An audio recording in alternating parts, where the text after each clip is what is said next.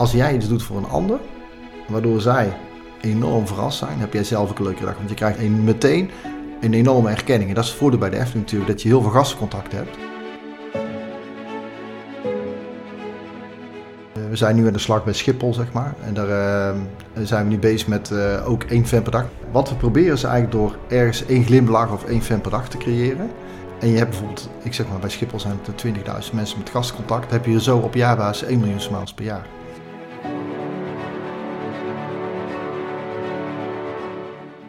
Want schrik niet, in 90% van de organisatie kennen mensen de missie en visie niet van je organisatie.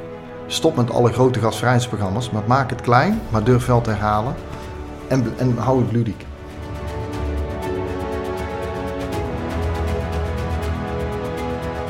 Vandaag hebben we de eer om in de Gouden Graal podcast te praten met Koen Bettens, voormalig operationeel directeur van de Efteling. Zijn rijke ervaring en diepgaande kennis van de branche bieden ons een unieke kans om inzicht te krijgen in de toekomst van attractieparken. We gaan het hebben over wat er nodig is om mensen enthousiast te maken voor een product of dienst. Hoe blijf je relevant in een wereld die voortdurend verandert? Wat zijn de geheimen achter het creëren van die onvergetelijke ervaringen die bezoekers steeds opnieuw willen beleven?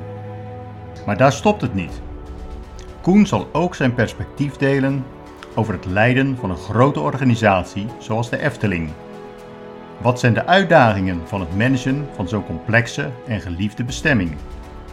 En welke vaardigheden zijn essentieel om een team te leiden in een omgeving waar creativiteit en efficiëntie samenkomen? Kortom, we duiken in een boeiend gesprek met Koen Bettens, waarin we niet alleen ingaan op het gasvrijer maken van de dienstverlening, maar ook het leiden van een grote organisatie in een dynamische sector. Veel luisterplezier bij aflevering 42 van de Gouden Graal podcast. I feel like a lion. I'm so strong.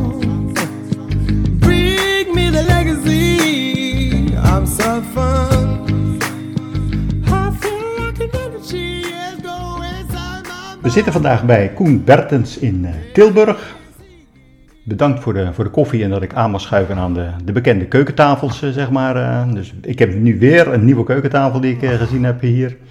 Dus dankjewel voor het accepteren van de uitnodiging. Ik wil gelijk beginnen met een hypothetische vraag. We stellen ons voor dat je een volwassen iemand die nog nooit in de Efteling is geweest, zou mogen rondleiden in de Efteling. Naar welke attractie zou je die persoon dan meenemen om die persoon gelijk het Efteling gevoel te geven? Ja, ja, ik kan nooit kiezen uit één attractie, Jaap. Dus eh daar ben ik even heel eerlijk in. Kijk, er zijn eigenlijk twee attracties die mijn eh, favoriet zijn. Mhm. de, e- de ene is eh, Droomvlucht.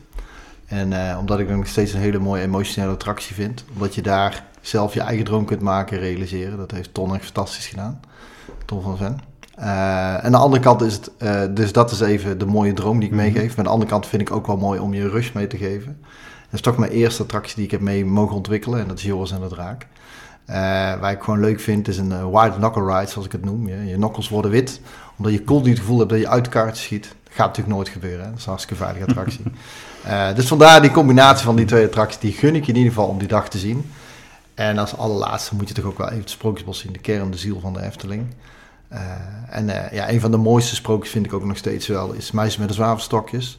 Eh, nu inmiddels Michel den Dulk, zeg maar, die creatief directeur is bij Disney nu inmiddels. Maar die heeft hij nog mee ontwikkeld bij de Efteling. Heel mooi emotioneel sprookje, dus eh, dat zijn eigenlijk mijn top drie. Top 3. Prima. Nou, ik zal je om te beginnen even kort introduceren. En als ik iets fout zeg, dan mag je gelijk ingrijpen. Je bent begonnen als eh, controller bij de Efteling en na eh, zeven jaar studie was je registercontroller. Toen kwam je eigenlijk erachter dat je hart ook wel meer lag bij de operationeel management. Je hebt vervolgens 13 jaar in het management van de Efteling gewerkt, waarvan de laatste zeven jaar als operationeel directeur. En mijn eerste vraag is dan, was je met deze ontwikkelingsmogelijkheden een uitzondering binnen de Efteling of krijgt iedereen deze kansen die liggen binnen zijn mogelijkheden? Ik denk dat de Efteling wel een prachtig bedrijf is waar je ook eh, heel veel ontwikkelingsmogelijkheden hebt. Dus eh, dat is ook wel het unieke van de Efteling. Mhm. Eh, dus dat, het is een mooie organisatie waar je talenten kunt inzetten. Ik ben zeker niet het enige voorbeeld. Maar ik, misschien ben ik wel een mooi voorbeeld hoe je eigenlijk van finance zomaar naar operatie kunt gaan. En gelukkig zie ik bij meerdere organisaties dat wel terugkomen. Dat ze zien dat ze meer in plaats van op de taak, meer op de talenten gaan zitten van mensen. Uh, waar in het verleden, mijn vader bijvoorbeeld, hè, die werkte in de schoenenwinkel, die heeft er 35 jaar gewerkt in dezelfde zaak. Um, terwijl nu tegenwoordig ja, kun je veel meer zelf keuzes maken en veel meer kijken wat je nu wilt. En je verandert ook als mens, ontwikkelt als mens. Uh, dat vind ik altijd wel mooi. En uh, daarom, ik, ik vind het mooi als kinderen klein zijn, dan zeggen ze nog, ik later word ik brandweerman of ik word politieagent. Of, die zijn echt nog nadenken wat ze later willen worden. En dat gun ik eigenlijk heel Nederland, dat ze ook als ze volwassen zijn nog steeds blijven nadenken, wat wil ik worden. En daarom vind ik het mooi, ik heb uh, ja, uh, eerst de finance mogen doen, ik ben heel goed in rekenen, maar mijn talent ligt er echt bij gasten medewerken, naar de operatie gaan en nu werk ik weer voor mezelf. Dus ik geniet er altijd wel van om weer mezelf uit te dagen. En bij de Efteling krijg je die kans ook. En daardoor, uh, ja, uh, dat Efteling DNA zit nog steeds in. En uh, ben ik nog wel trots dat ik dat heb mogen doen bij de Efteling, ja. Want even voor mijn begrip, als je operationeel directeur bent, over hoeveel mensen geef je dan leiding? In mijn laatste job als directeur park, 2300 collega's. Okay. Met hoeveel lagen zitten er dan nog tussen?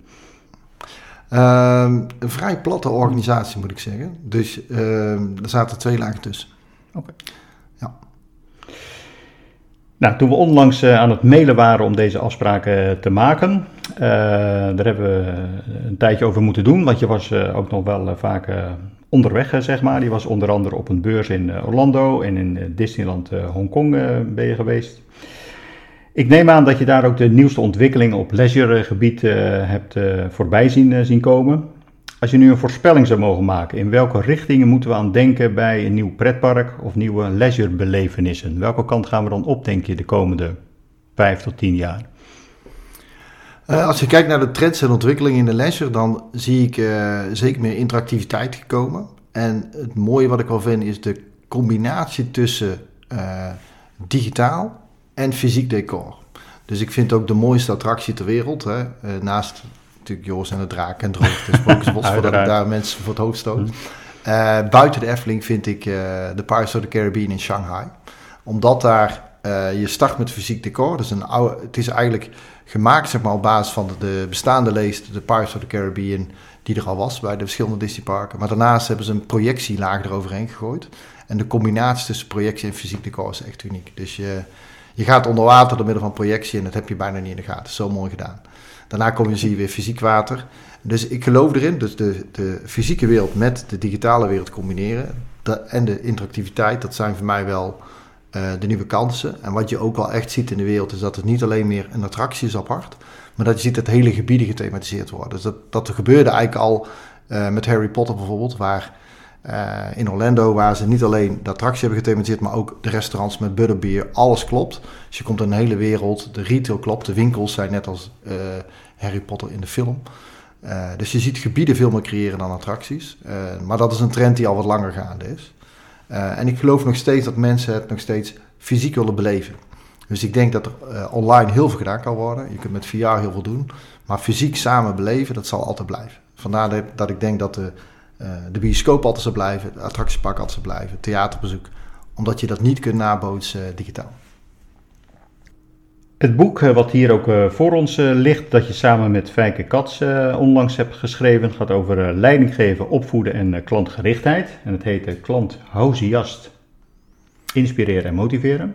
Enthousiast, ja. inspireren en motiveren, klopt ja. Oké. Want het is geen verspreking, het is echt het woord klant en enthousiast zijn in elkaar verweven. Hè? Ja, en dat, dat is niet voor niets, mm -hmm. omdat uh, wij geloven erin uh, van tevreden naar enthousiaste medewerkers. Mm -hmm. En waarom?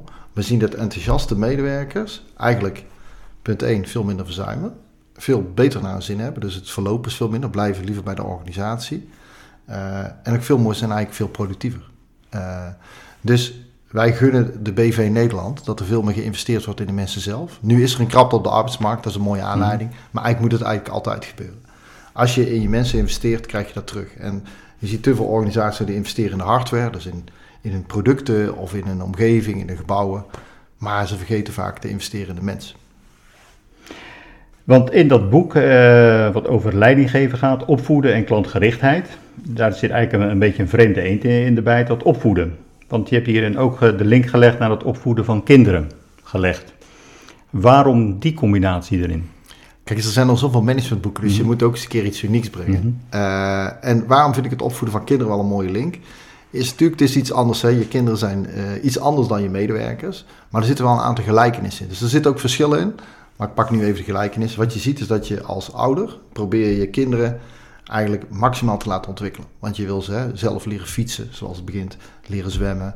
Uh, maar ook uh, daadwerkelijk dat ze zich zelfstandig kunnen opereren, zeg maar, in de buitenwereld.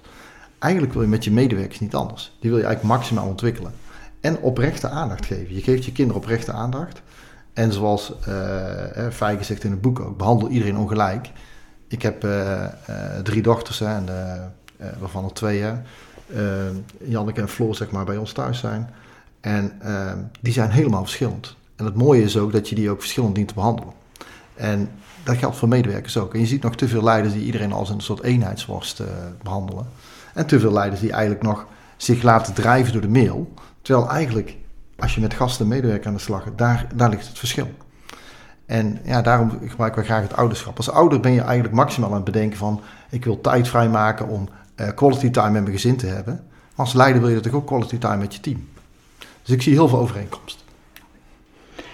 Nou noemde je net al eventjes dat je drie dochters hebt. Van de eerste dochter, Marieke, net voor de geboorte is, is gestorven. Beschrijf ik in je boek. In hoeverre heeft dit je, je leven en je stijl van leidinggeven beïnvloed? Uh, heel veel, denk ik. Uh, het is natuurlijk heel heftig als iets gebeurt. Mm. En uh, je neemt het elke dag mee. Maar het heeft me ook heel veel geholpen om punt 1 mijn werk niet meer naar huis te nemen, maar ook gewoon optimaal te genieten van het leven. En echt mijn passie en mijn geluk te zoeken in het werk.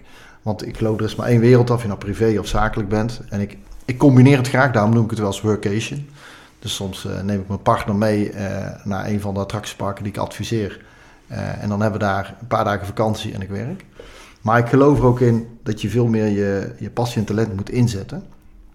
En dat heb ik wel geleerd door eigenlijk lef te hebben en te tonen. En altijd gewoon te denken van, hé hey, wacht, wat, wat, kan er nou erg gebeuren in je leven? Hè? Je kindverlies is natuurlijk een van de heftigste dingen die je mee kunt maken. dat heeft mij altijd er wel voor eigenlijk meer getrokken om altijd maximaal mezelf in te zetten. Om gewoon de dingen te doen waar ik heel gelukkig van word en heel gepassioneerd in ben. Uh, dus ik geniet, probeer elke dag gewoon te, uh, te genieten van het leven. En uh, ja, dat doe, dat doe ik dus ook in het werk. dus ik zie dat niet als iets privés of zakelijk. Ik, ik zie dat eigenlijk gewoon als één wereld waar ik optimaal geniet van het leven. Ja. Heeft dat ook je relativeringsvermogen beïnvloed? Ja, je relativeert zeker. Ja. Dus als je als leider, denk je ook wel, heb je veel makkelijker lef om beslissingen te nemen. Want je denkt altijd, ja, wat kan er gebeuren? En, uh, dus ja, het relativeert je makkelijker en je, je, neemt makkelijker lef, je durft makkelijker stappen te nemen in het leven. En ik heb me ook wel bewust beseft dat ik denk van, oh, ik ben toch wel na een paar maanden was ik toch wel weer redelijk weer up and running. Dat vond ik toch eigenlijk wel knap wat een mens dan toch kan uh, hebben en hoe je daar weer uh, bovenop komt, ja. In het boek begint het ook met de, met de volgende constatering. In 2022 hadden meer dan 1,3 miljoen mensen last van burn-out klachten en de prognose voor de komende jaren is nog hoger. Dan kom ik toch mijn vraag. Zijn inspiratie en motivatie belangrijke medicijnen om dit tegen te gaan, denk je? Uh, ja, dat zijn wel belangrijke. Uh, het zijn in ieder geval goede dingen om van onbewust naar bewust te komen, denk ik. Om mensen te inspireren en te motiveren. Uh, dat wat we ook in het boek brengen. Maar het betekent ook het activeren. Dus we proberen mensen ook door dit boek proberen ze onbewust naar bewust te brengen. Maar we, uh, aan het eind van het boek is wel belangrijk, daarom hebben we ook die spiegelvragen. Dat mensen ook echt na gaan denken, wacht even, wat ga ik er nu aan doen? Wat ga ik, het is, wij zeggen altijd storytelling, maar dat is ook wel storydoing. Hoe ga je ermee aan de slag? Dus inspireren en motiveren zijn eigenlijk wel de eerste stappen, vinden wij, om mensen van onbewust naar bewust te krijgen. Ja, en inmiddels zitten volgens mij op 1,6 miljoen mensen met burn-out klachten. Het gaat er niet beter op worden, nee. Dan gaan we naar het, uh, het volgende hoofdstukje: controle ten opzichte van vertrouwen. Welke spreuk zou je aan de muur van je werkkamer willen hangen? Vertrouwen komt te voet en gaat te paard. Of vertrouwen is goed, maar controle is beter. Die laatste sowieso niet, ja. Ik heb al gekeken in je huiskamer, maar er is nog wel ruimte om op te hangen, maar die wil je niet hebben. Okay. Nee, nee, weet je, ik ben, ik ben van vertrouwen. En uh, dat doe je ook als opvoeder. Heb je vertrouwen in je kinderen. En uh, natuurlijk gaat er in de puberteit wel eens het een en ander mis. Maar je begint met een basisvertrouwen van je kinderen. Dat geldt ook als leider. En eh, als je dat niet hebt, ja, dan stopt het. Dat is ook de basis waarop je als leider begint met je team. En daar moet je ook op bouwen. Eh, wat wel is dat het, eh, het vertrouwen, ja, die heb je heel snel, kun je die verliezen. En het kost heel veel tijd om vertrouwen weer op te Mhm. bouwen. En dat leg ik ook in leiderschap al te vaak uit. Let daarmee op. Je voorbeeldgedrag als leider is van groot belang. Ja. ja. En hoe heb je geleerd eh, in de loop der jaren hoe dat je kunt bepalen? Want iedereen is ook weer anders aan wie je leiding mo- moet Ja. geven. Uh, hoeveel dat je, dat je aan iedereen kan geven, want dat verschilt per persoon. Ja, dat is ook moeilijk hè. En ehm, het meest belangrijk is gewoon door fouten te maken en lef te tonen. Eh, dus ik heb ook heel veel fouten gemaakt, ja. En dat is ook wel het mooie in het leven. Ehm, maar ik heb wel ge- geleerd het oprechte aandacht. Hè. Dus ik, het voordeel was, ik werkte ook in de weekenden, kerst en oud en nieuw. Eh, en dan ehm, ja, had ik gewoon altijd tijd. Ik had geen afspraken, want ja, alle kantoorafdelingen waren natuurlijk gesloten. Dan had ik alle aandacht om met de medewerkers in gesprek te gaan. Maar ik heb ook wel eens een keer dat ik te veel deed. Dus dat ik eh, hele afdelingen aan het reorganiseren was, terwijl mijn leider op vakantie was. Ja, toen zei die leider, wil je mijn rol hebben? Dus ik heb ook wel moeten leren om, wat doe je dan wel als leider en wat doe je niet? Hè? Dus eh, als je dicht bij je mensen staat, is heel goed. Maar je moet niet de zaken gaan oplossen. Ze moeten zelf de regie pakken en zelf in gesprek gaan met hun leiders. Eh, dus dat leer je eigenlijk door de jaren heen. eh, hoe je die aandacht geeft en op welke manier. En soms in het begin was, kwam ik bij een attractie, maar die, die medewerkers bij de attractie waren heel druk bezig met de gasten nog. Dus dat werkte niet. Dus als ik oprechte aandacht deed, dan deed ik het vaak in de pauzeruimte. Dan hadden mensen ook de tijd en aandacht voor je. Dus zo leer je eigenlijk door, je, eh, ja, door stappen te maken. om, om op de juiste manier die aandacht te geven aan je mensen. Want op zich kan ik je helemaal volgen. Vertrouwen geven is goed. Ik bedoel, het is ook goed voor, voor die medewerkers. Die krijgen meer autonomie. Die vinden hun werk dus ook, dus ook leuker. Maar aan het eind van de rit was je als parkdirecteur ook wel eindverantwoordelijke. Dus als het misgaat, ja, dan, dan eindigt het balletje ook, eh, ook, ook wel op, op jouw bureau, zeg maar. Ja. Hoe ga je om met dat dilemma? Heel goed. Goed dat je dat zegt. Kijk, het, is, het werkt eigenlijk altijd. Je hebt de, de vier leiderschapstijlen. En eh, van instructie ga je eigenlijk, naar eh, begeleiden. Dan ga je naar ondersteunen. En uiteindelijk ga je naar delegeren. Dan leg ik ook altijd uit. Zo kun je de medewerkers eigenlijk opvoeden en leren. Zoals je ook je kinderen opvoedt. Ehm, maar uiteindelijk als er een crisis is. Dan ga je terug naar instructie. En dat heb ik ook altijd geleerd. Dus als leider moet je ook gewoon durven in te grijpen. En durven te beslissen. Ehm, en dat betekent bij een crisis. eh, ik heb wel eens gehad dat er 10, ce- 10 centimeter sneeuw lag. Eh, en er waren acht attracties nog open. Ja, dan kijkt iedereen je aan. En dan, dan heb je nog wel de Bob-methodiek. Dat je eh, beoordelen en oordeelsvorming en besluitvorming. Dat is een hartstikke mooie methodiek. Maar uiteindelijk moet je wel binnen een kwartier beslissen wat er gaat gebeuren. En dan kijken ze naar je. En dat moet ook. En dan maak je fouten, maar dat is niet erg. Want het nemen van de beslissing is belangrijker dan het niet nemen van de beslissing. Eh, en je moet ook kaders stellen. Dus ja, als er, eh, als er diefstal wordt gepleegd, ja, dan neem je ontslag eh, bij mensen. Want dat zijn je basisregels. Dat noem ik altijd werkwaarde in een organisatie. Als mensen niet voldoen aan je werkwaarde, aan je DNA, ja, dan moet je, er ook, dan moet je daar een beslissing in nemen. Het ligt er ook nog aan hoe je de beslissing neemt, maar die beslissing moet je wel nemen. Is het ook een gezonde instelling om bij iedere regel of procedure de waarom-vraag te stellen? Om uitleg te geven waarom dat die procedure er is? Dat is een goede vraag. Kijk, ik denk dat ik dat ook geleerd heb van de afdeling communicatie. Dat je te veel leiders, die besteden eigenlijk te weinig aandacht aan de waarom-vraag. Dus ze gaan ervan uit dat medewerkers alles al begrijpen en bedenken. Eh, en daarnaast ook belangrijk altijd na te denken als je een verhaal vertelt, dat de medewerkers altijd denken, what's in it for me? Dus wat betekent het voor mij? Ehm, maar leg vooral ook uit, liever een keer extra, dan te weinig, van waarom je die beslissing neemt en op basis van welke feiten. Want eh, ik zeg altijd, soms neem je de beslissing waar niet iedereen het mee is, maar je kunt in ieder geval uitleggen waarom je het gedaan hebt. Eh, ja, dat is een hele goede. De volgende, passie en enthousiasme. Jullie boek bestaat uit het eh, doorlopen van 10 stappen. In het interview zullen we er enkele uitpakken. De eerste is, een klant is tevreden of is enthousiast. Kun je dat verschil uitleggen? Ja. Ik denk als een klant tevreden is, dan voldoe je aan de verwachtingen. En dan heeft hij een product gekregen of een service eh, waar hij tevreden over is en hij gaat naar huis. Maar hij zal het nooit tegen anderen vertellen. Dus ehm, als je bent naar een restaurant geweest, je hebt lekker gegeten, een leuke avond gehad, dat is prima. Ik noem dat dan een, een 8, zeg maar. Eh, maar enthousiast, dan gebeurt er iets wat ze niet verwachten. Dus dat kan bijvoorbeeld zijn dat je bij een restaurant bent gekomen en ze wisten nog wie je was, omdat je vorige keer bent geweest, en nog vroegen, hoe was je vakantie? Dan word je toch gewoon getriggerd. En dan word je bovenwacht. Of dat ze iets brengen, een toetje en een dessert, eh, wat je niet had verwacht, iets extra's of een, eh, een amuse. Eh, en dan word je getriggerd. En ik denk door die dingen ga je dat zo enthousiast krijgen. En dan gaan mensen het ook vertellen tegen anderen. Dus dan zeggen ze, ja, ik heb daar gegeten, ik heb een amuse gekregen. Ze herkenden mij nog. Ze, ze leefden in met mij. Ik kwam aan, bijvoorbeeld, het had heel hard geregend. En ze hebben meteen mijn jas gedroogd. Eind van de dag was mijn jas droog. Dus het zijn die hele kleine dingen, niet die grote dingen. Maar daardoor maak je iets enthousiast. Dat betekent dat je inleeft en iets verrast. Eh, wat, ik praat altijd over gasten, niet over klanten. Hè. Dat, eh, maar waardoor die klanten, zeg maar, eh, zo enthousiast zijn. Ja, dat ze dat tegen anderen vertellen. En hoe kreeg je dit bij de Efteling-medewerkers tussen hun oren? Uiteindelijk krijg je het door de oren. Ik, ik heb eigenlijk altijd uitgelegd.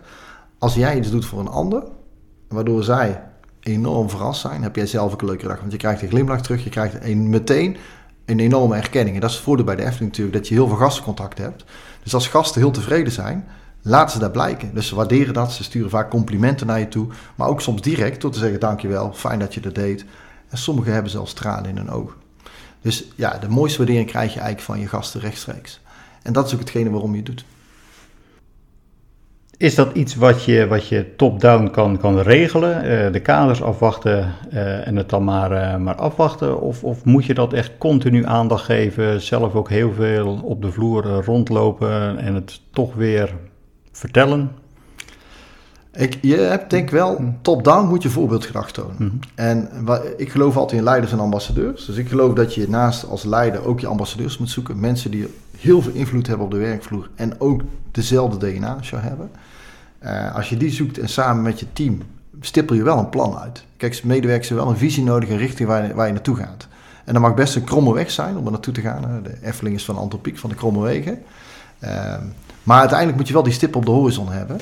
En vervolgens ga je wel bottom-up, laat je mensen zelf nadenken hoe ze het kunnen invullen. Dus je moet het wat en hoe heel goed scheiden. Dus jij als leider en als informele leidersambassadeur bepaalt, hey, wel is de richting waar we naartoe gaan. Maar uiteindelijk zijn het de medewerkers die invullen hoe je dat gaat doen. Nu noem je net al even de richting. Je zou ook eh, kunnen zeggen de missie van, van het bedrijf. Eh, hoe heb je dat bij de Efteling aangepakt? Wat was bijvoorbeeld de missie in jouw tijd toen je daar directeur was? Ah, de missie vooral bijna niet. Dus bij de Efteling is het escapisme, dus het ontsnappen aan de dagelijkse realiteit. En uiteindelijk wat de Efteling doet is ze verkopen geen tickets maar herinneringen. En eh, dat proberen bij bedrijven ook uit te leggen. Dat je geen diensten verkoopt. Hè, dat, dat heet de Golden Circle van Simon Sinek. Dat is meer de wat, wat je verkoopt. Maar je missie is de why. Waarom ben je op aarde? En daar helpen wij wel organisaties ook mee van... dat je veel meer nadenkt over de why. Wat is er nou echt in je DNA? Waarom ben je je organisatie ooit begonnen? Eh, zoals ik, eh Frans en ik met FC Gastvrijheid zijn onze organisatie begonnen... omdat wij eh, de BV Nederland wat gasvrij willen maken. Dat is gewoon ons, ons DNA. En natuurlijk verkopen we daar een aantal workshops of trainingen... maar dat is meer een middel tot om mensen, om die om gasvrije cultuur te creëren voor organisaties. Je noemt in je boek ook de filosofie van Jos Burgers met zijn boek 1 vent per dag. Ja, Hoe heb je dat in de praktijk bij de Efteling eh, uitgerold? Of hoe doe je dat dan nog steeds bij andere organisaties die je adviseert? Ja, kijk, we, eh, we zijn nu aan de slag bij Schiphol, zeg maar. En daar eh, zijn we nu bezig met ook één fan per dag, maar daar heet het dan One Smile per day. Eh, internationale organisatie natuurlijk. Eh, wat we proberen is eigenlijk door ergens één glimlach of één fan per dag te creëren. Ehm, en je hebt bijvoorbeeld, ik zeg maar bij Schiphol zijn het er 20.000 mensen met gastcontact. heb je zo op jaarbasis 1 miljoen smiles per jaar. Waarom is die eh, van Jos echt geniaal? Omdat één fan per dag, iedereen heeft tijd om één geluksmoment te creëren. Niemand kan zeggen, ja, daar heb ik geen tijd voor. Anders kun je eerst, moet je eerst maar de cursus time management doen, vind ik. Ehm, en als je dat doet, het voordeel is ook dat in de, zit, de kracht zit in herhaling. Dus als je die elke keer doet en 40 keer achter elkaar doet, komt het in je cultuur en doe je het elke dag. En als alle medewerkers het doen, krijg je meteen een gastvrije cultuur door heel veel kleine mooie momenten. Dus stop met alle grote gastvrijheidsprogramma's, maar maak het klein, maar durf wel te herhalen eh, en, en hou het ludiek. Nu noemde je net al even cultuur van een organisatie. Nu, nu kan je dat niet, eh, je kan dat niet beetpakken, de cultuur van een, van een bedrijf. Hoe probeer jij daar vat op te krijgen als jij nu wordt, wordt ingehuurd eh, met je bedrijf bij een eh, organisatie, eh, om toch te kijken van hoe zit die cultuur werkelijk in elkaar? Want je wordt vaak door de directie, kan ik me zo voorstellen, word je ingehuurd, maar dan weet je nog niet hoe het, zeg maar, de cultuur op de werkvloer eraan toe gaat.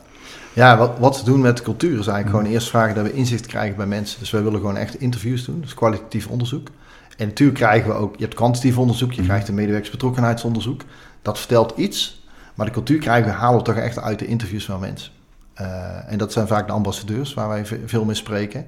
Uh, die weten haar fijn te vertellen hoe de cultuur was en hoe de cultuur nu is. En waar de gap is, zeg maar. Maar krijg je dan van tevoren die, die, die personen die je gaat interviewen uh, geselecteerd? Of mag je zelf ook een, uh, door het bedrijf heen gaan lopen en, en zelf gewoon random doen, mensen zoeken? Wij doen een combinatie. Mm -hmm. Dus bijvoorbeeld, ik zal maar even zeggen, we werken voor Schiphol. Dan krijgen we een aantal medewerkers waar we in gesprek kunnen gaan. Maar we, wij, ik vlieg natuurlijk ook heel veel. En uh, Frans ook regelmatig op de luchthaven. Wij spreken ook gewoon collega's aan. Dus we doen eigenlijk allebei. En het voordeel is wel, kijk, als een directie ons uitnodigt om een gastvrije cultuur te creëren, dan vragen we ook gewoon altijd zelf, geef nou de positief kritische medewerkers aan. En geef een diverse groep. Dus geef mensen aan die heel enthousiast zijn, maar geef ook mensen aan die kritisch zijn op je organisatie. Want er zit achter die kritiek zit iets. Uh, dus vandaar dat wij daar, uh, en daar zijn ze eigenlijk wel open, anders sturen ze ons ook niet in, zeg ik altijd. Want je zegt weerstand, ik moet dan gelijk denken aan, de, aan het gezegde, uh, achter weerstand zit vaak een verborgen wens. Dat is mooi gezegd, ja. ik moest ook even diep nadenken. maar ben je het daar wel mee eens, dat weerstand vaak ook wel uit een stukje betrokkenheid ook, ook komt? Ja, ik denk dat uh, weerstand is meer het gevolg van iets, van een bepaalde oorzaak dat er iets mis is gegaan. En dat heb ik ook wel geleerd. Ik, in het begin als leider kijk je te veel naar het gevolg, maar het gaat er ook vaak wel, wat is nou de oorzaak van die weerstand? Het is iemand die heeft daar toch een bepaalde emotie bij en, en een betrokkenheid, een passie, waarom je in die weerstand zit. En die, uh, die eerst te achterhalen, dan kun je eens kijken, kunnen we die weerstand weghalen. Maar vaak zijn ze alleen maar bezig om die gevolgen weg te halen. Iemand is boos en dan zeg je, oh je moet niet boos zijn. Nee, die, die persoon is, zal, is boos, want hij heeft een bepaalde onderligger erin. Dus het doorvragen uh, en vaak ook die mensen erbij betrekken in het veranderingsproces helpt gewoon heel veel.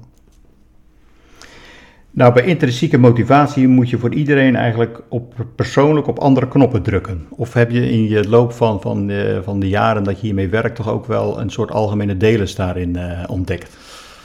Ik denk dat je erop moet passen, want ik denk uh, elk mens is uniek en anders. Dus ik heb ook al geleerd dat je ook op moet passen voor je vooroordelen. Tuurlijk leer je wel het een en ander, dat je sneller kunt schakelen. Maar uh, mensen blijven je verrassen. Dat vind ik eigenlijk altijd wel mooi. Dus het leren van het doorvragen, het, het LSD, en noem ik niet de drugs, maar gewoon het luisteren samen wat een doorvragen helpt je gewoon. Uh, mij heeft het wel geholpen door toch dat ik andere inzichten heb gekregen. In plaats van dat ik al meteen dacht, oh deze persoon wil uh, A of deze persoon wil B. En vaak door, door te vragen kwam er een hele andere wens uit. Met een open blik eigenlijk het gesprek aangaan, zonder vooroordeel. En dan ja. maar vragen stellen en dan kijken waar het uh, ja, op en, draait. en durf ook te kijken vanuit, uh, vanuit de medewerker, vanuit waar zij staan. Ik denk dat ik, Jan van Meel, de oud uh, adjunct-directeur van de FV, heeft mij altijd verteld, dat zijn de medewerkers en de frontlinie die het doen. Die staan dag in dag uit voor je klaar. Dus kijk ook eens meer vanuit, niet vanuit de gast alleen, maar ook vanuit de ogen vanuit de medewerker. En uh, ja, dat heeft mij altijd wel geholpen. In het boek worden ook uh, Louis Vergaal en Joop Albera aangehaald als, als mensen die, die een aparte kijk op, op leiderschap hebben. Kun je ook in het bedrijfsleven de manager, de leidinggevende vergelijken met, met een sportcoach? Ja, dat kan. Hè. Kijk, ik geloof ook dat, een, dat elk team, het ligt ook aan, heeft een ander type coach nodig. Dat zie ik in de sport ook. Hè. Dus je ziet bijvoorbeeld Louis Vergaal is heel succesvol geweest bij het ene Nederlands elftal, maar bij het andere weer niet. Dus de, een bepaald team heeft een bepaald type leider nodig. En dat geldt ook in de sport. Dus een sportcoach kun je ook prima inzetten. Want eigenlijk is een, een coach is ook alleen maar bezig om zijn team maximaal te ontwikkelen. En in de sport is het ook zo heftig vaak. Als het team niet presteert, wordt meteen de leider eruit gezet. Dat zie je in het bedrijfsleven misschien wat anders uh, uh, voorkomen. Dus ik geloof dat die, die metafoor van sport, uh, zeker voor teamsport, is een sport, voor individuele sport is het iets anders natuurlijk. Maar voor teamsport is een sportcoach echt wel vergelijkbaar als leider. En ik gun Nederland wat minder in managen en wat meer in leiderschap. Dus, en managen bedoel ik meer het begroten, het plannen en organiseren. Maar meer het leiden is het voorbeeldgedrag, het mensen meenemen, het enthousiasmeren en het inspireren. Uh, en een goede sportcoach is ook veel meer bezig met het leiden en veel minder met managen. Uh, dus vandaar dat ik, ik vind sportcoaches altijd wel mooie voorbeelden om die uh, in te zetten. Ja. Waar ben je zelf een, een voorstander van? Want in, in, nog even de vergelijking met, met, sport te maken. Als we dan even naar, het voetbal kijken. Um, iemand is een goede keeper of, of het is een goede spits, om het even twee uitersten te noemen. In het bedrijfsleven hebben we nog wel eens eh, de neiging om dan de mensen die zeg maar een, een 4 scoren op een bepaald onderdeel, om die dan toch naar, naar een 5 of naar een 6 te krijgen. Dus om dan weer terug te gaan naar de sport, dan werk van de Ja. keeper weer, weer soms een, eh, een spits maken. Ja. Of zeg je van nee, je moet iemand zijn persoonlijke sterke kwaliteiten, die moet je nog verder sterker maken. En wat minder op die mindere kanten eh Ja, focussen. geeft eigenlijk een mooie voorzet om in de sport te zeggen. Kijk, Mark Lammers vertelde altijd, hè, die, heeft, die heeft het voorbeeld ook gegeven. En die zei, ik, eh, ik heb eigenlijk geleerd om mijn spits niet meer te laten verdedigen, maar eigenlijk beter nog verder te laten afwerken, omdat hij haar talent was. Dus ze veel beter was in, eh, in scoren. En dat zijn sportcoaches ook aan het doen. Dus ze zijn eigenlijk alleen maar de talenten van mensen optimaal aan het benutten. En wij in het bedrijfsleven zijn soms vaak nog te veel, eh, wat je zegt, die ontwikkelpunten aan het afwerken. Ik zeg niet als je elke dag te laat komt, hè, dan moet je jezelf fixen natuurlijk. Maar normaal gesproken ga vooral niet met ontwikkelpunten aan de slag. Zoek andere teamleden die daar wel sterker zijn. Daardoor geloof ik in diversiteit van teams die verschillend zijn en elkaars ontwikkelpunten kunnen oppikken. En focus op talenten. En het mooie van de sport vind ik ook wel dat je bent met de sport ben je eigenlijk toe in het leven naar een wedstrijd. Hè? Je bent toch een soort topsport aan het beleven. En ik wil niet te veel naar topsport zitten, want de welzijn vind ik ook belangrijk. Maar wel dat je eigenlijk elke dag speel je als organisatie ook een wedstrijd. En eh, dat in de sport is dat heel belangrijk. En ze zeggen ook met de teamsport, je hebt elkaar nodig om te scoren. Dus je hebt één helder doel. Dat vind ik het mooie van sport. Je hebt een helder doel waar je naartoe wil. Je wil meer scoren dan de tegenstander. En uiteindelijk eh, zie, je dan, zie je dan terug hoe makkelijk dat die teamsport is. Omdat je doel helder is en je weet dat je elkaar nodig hebt om te bereiken. Maar dat is in het bedrijfsleven niet anders. Je hebt elkaar nodig om te bereiken. En je ziet te vaak nog het pingpongen tussen afdelingen. Terwijl ze eigenlijk weten, voor de klant ben je één. Zorg nou dat je met elkaar gaat samenwerken, elkaars punten gaat versterken. En maak je doel helder dat iedereen begrijpt waar je naartoe wil. Want schrik niet, in 90% van de organisatie kennen mensen de missie en visie niet van je organisatie. Is die ook vaak niet te ingewikkeld, eh, zo'n missie? Ja, dus wij, zijn, wij beginnen altijd met keep it simple. Eh, laat medewerkers eh, iets hebben wat ze kunnen begrijpen, wat ze kunnen in kunnen leven en waar ze naartoe kunnen. Want was bijvoorbeeld bij de Efteling eh, de missie het meest klantvriendelijkste bedrijf van Nederland worden? Nee, nee, nee. Dat is eh, uiteindelijk bij de Efteling de 9 plus organisatie. Dus eh, ervoor zorgen dat, dat er een 9 eh, waardering is, hè, of hoger. Zowel voor gast als voor collega. En die 9 plus blijft veel makkelijker hangen. omdat het de cijfers en je bent natuurlijk vanuit school makkelijk bekend. En je kunt die 9 plus heel makkelijk doorvertalen naar alle afdelingen en ook naar je eigen persoon. Dus daar moet je ook voor nadenken. Hoe kun je die missie en visie makkelijk doorvertalen in je organisatie? Eh, en in het verleden was het meer, we wilden een entertainmentorganisatie worden voor de toekomst. Eh, maar mensen konden het niet onthouden en bleef niet bij zich. En dan lopen mensen misschien wel doelloos rond. Dus daar, daar gun ik organisaties ook, denk na, maak het simpel en blijf dicht bij de why. Dus waar ik het net over had, blijf bij je bestaansrecht. Waar je, waarom ben je hier op aarde? Want je zegt eh, een 9 plus eh, behalen, dat, dat was het doel, dat was de missie. Eh knipt je die dan ook voor iedere afdeling op, zeg maar, zodat zij ook wisten, bijvoorbeeld een, een afdeling eh, re- receptie bij het Efteling Hotel, die, die kreeg weer een bepaald target.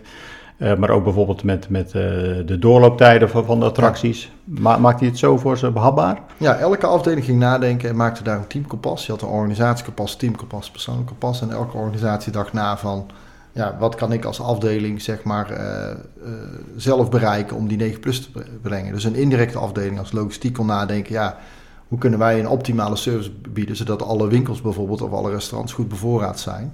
eh tijdelijk zijn met de juiste producten en een goede service.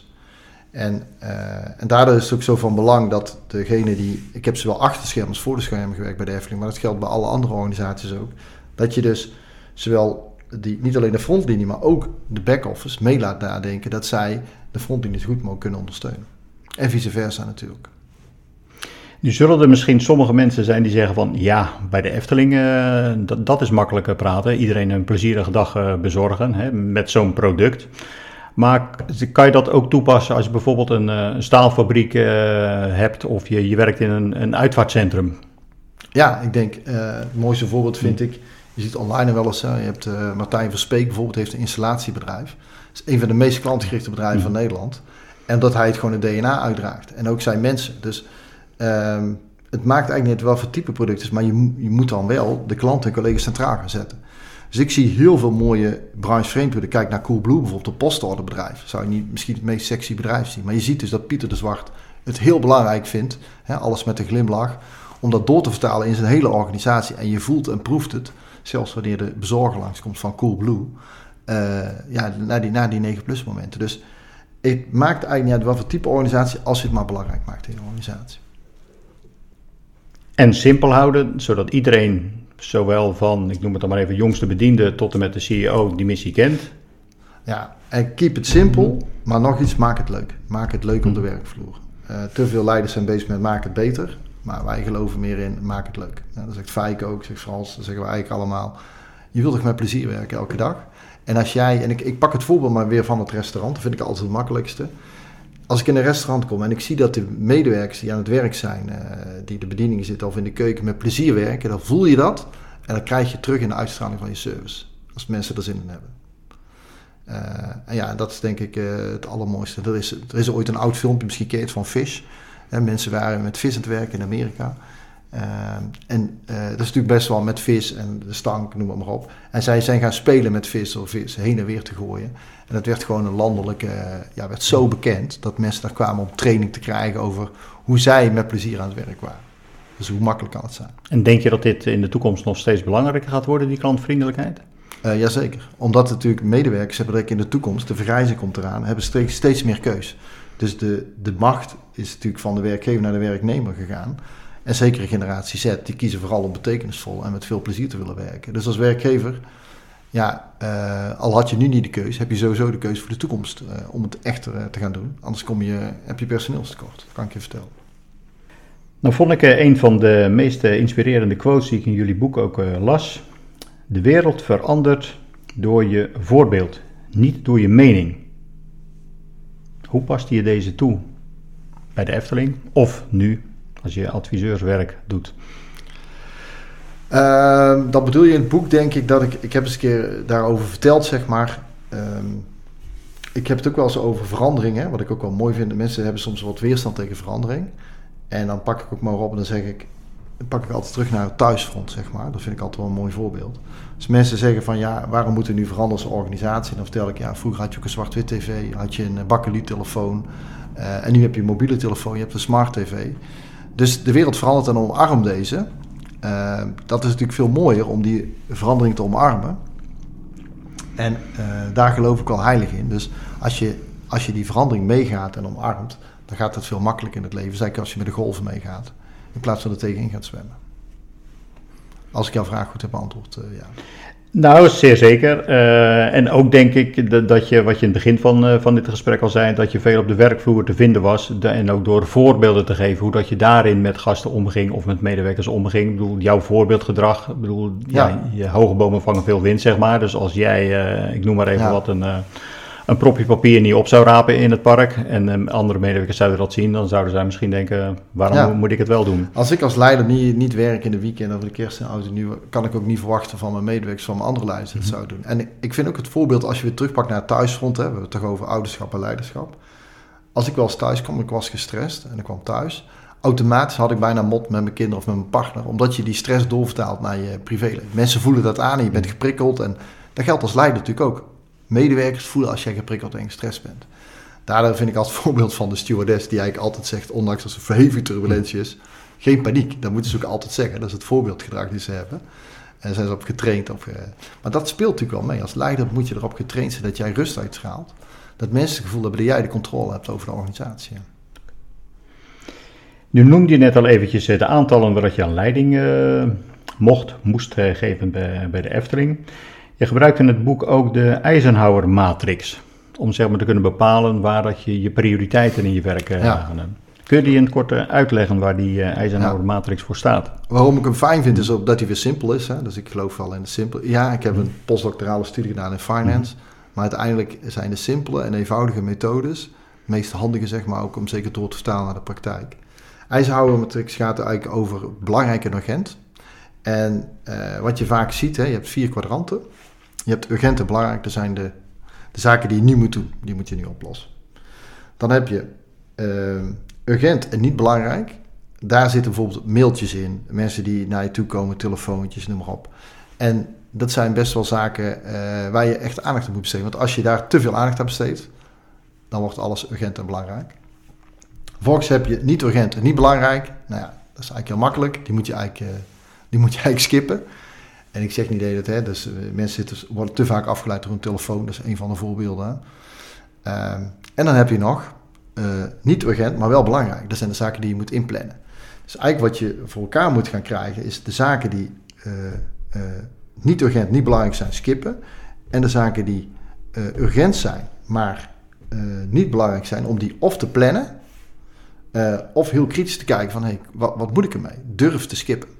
Daarom eh, geloof ik er ook wel in, eh beat rules. Welke regels ze hebben bijvoorbeeld opgesteld. Dat zijn ook zaken die bijvoorbeeld eh, wel urgent zijn, maar niet belangrijk. Een hele hoop regels zijn rode regels, zijn wettelijk, die moet je zeker doen.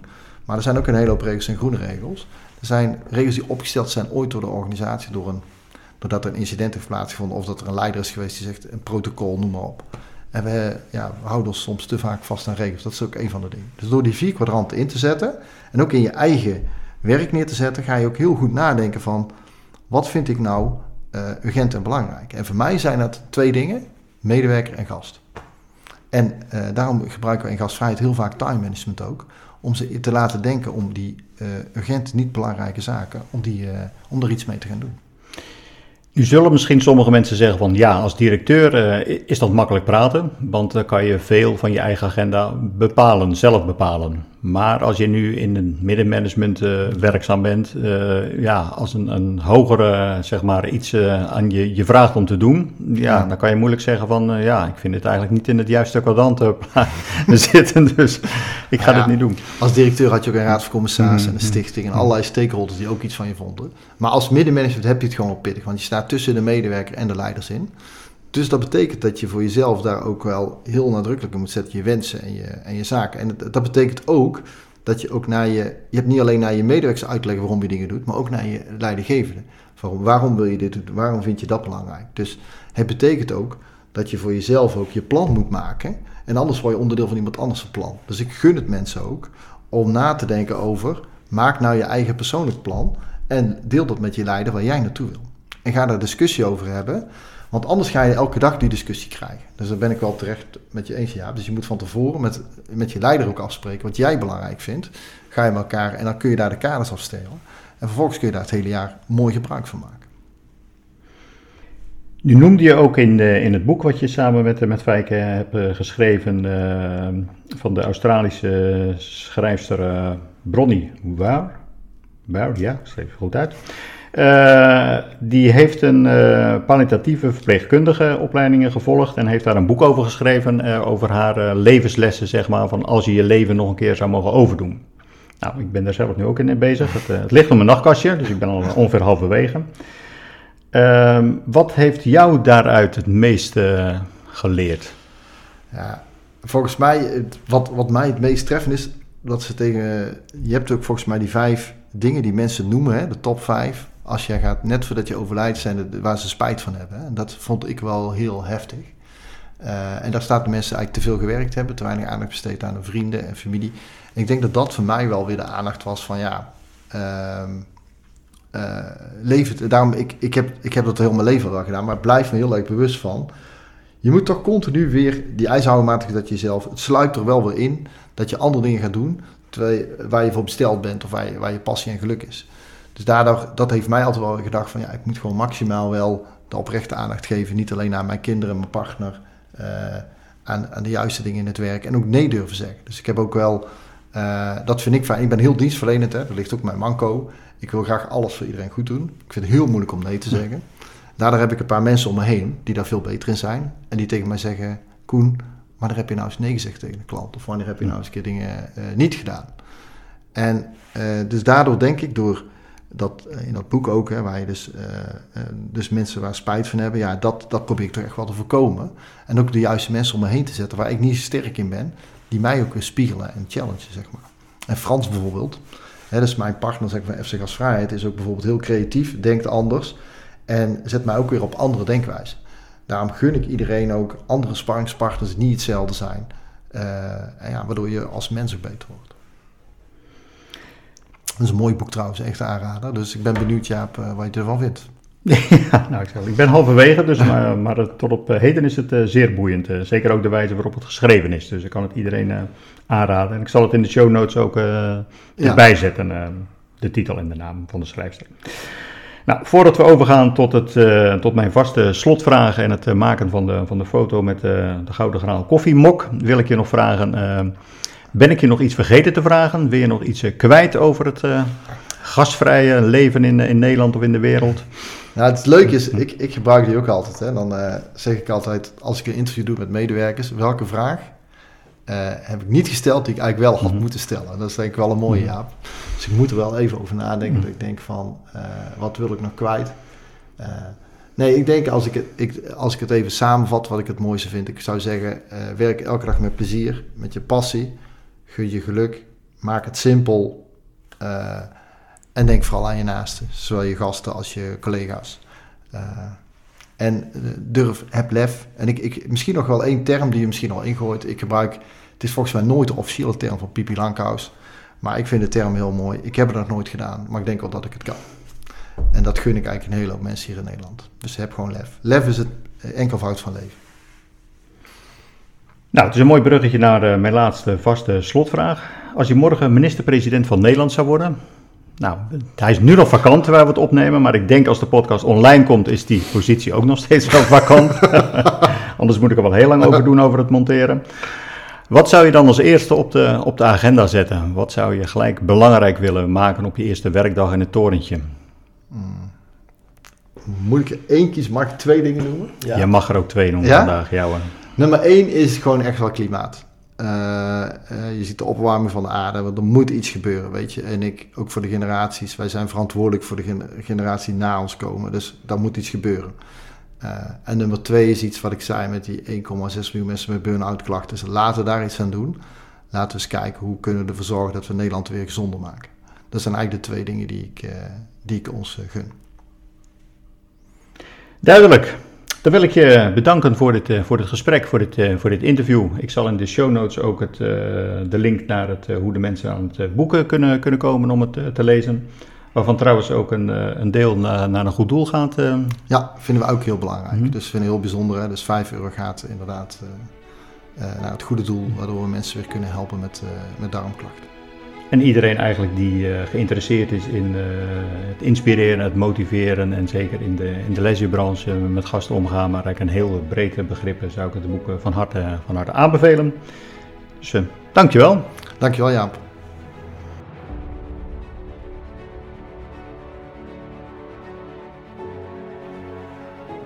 We willen Koen Bertens hartelijk bedanken voor het delen van zijn waardevolle inzichten.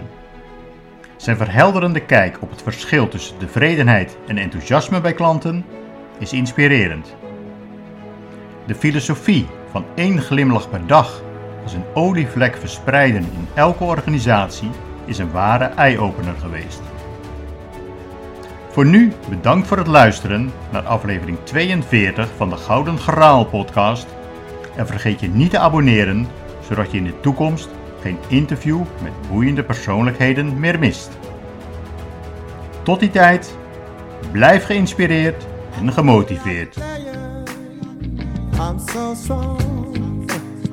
Bring me the legacy. I'm so fun. I feel like an energy is going inside my.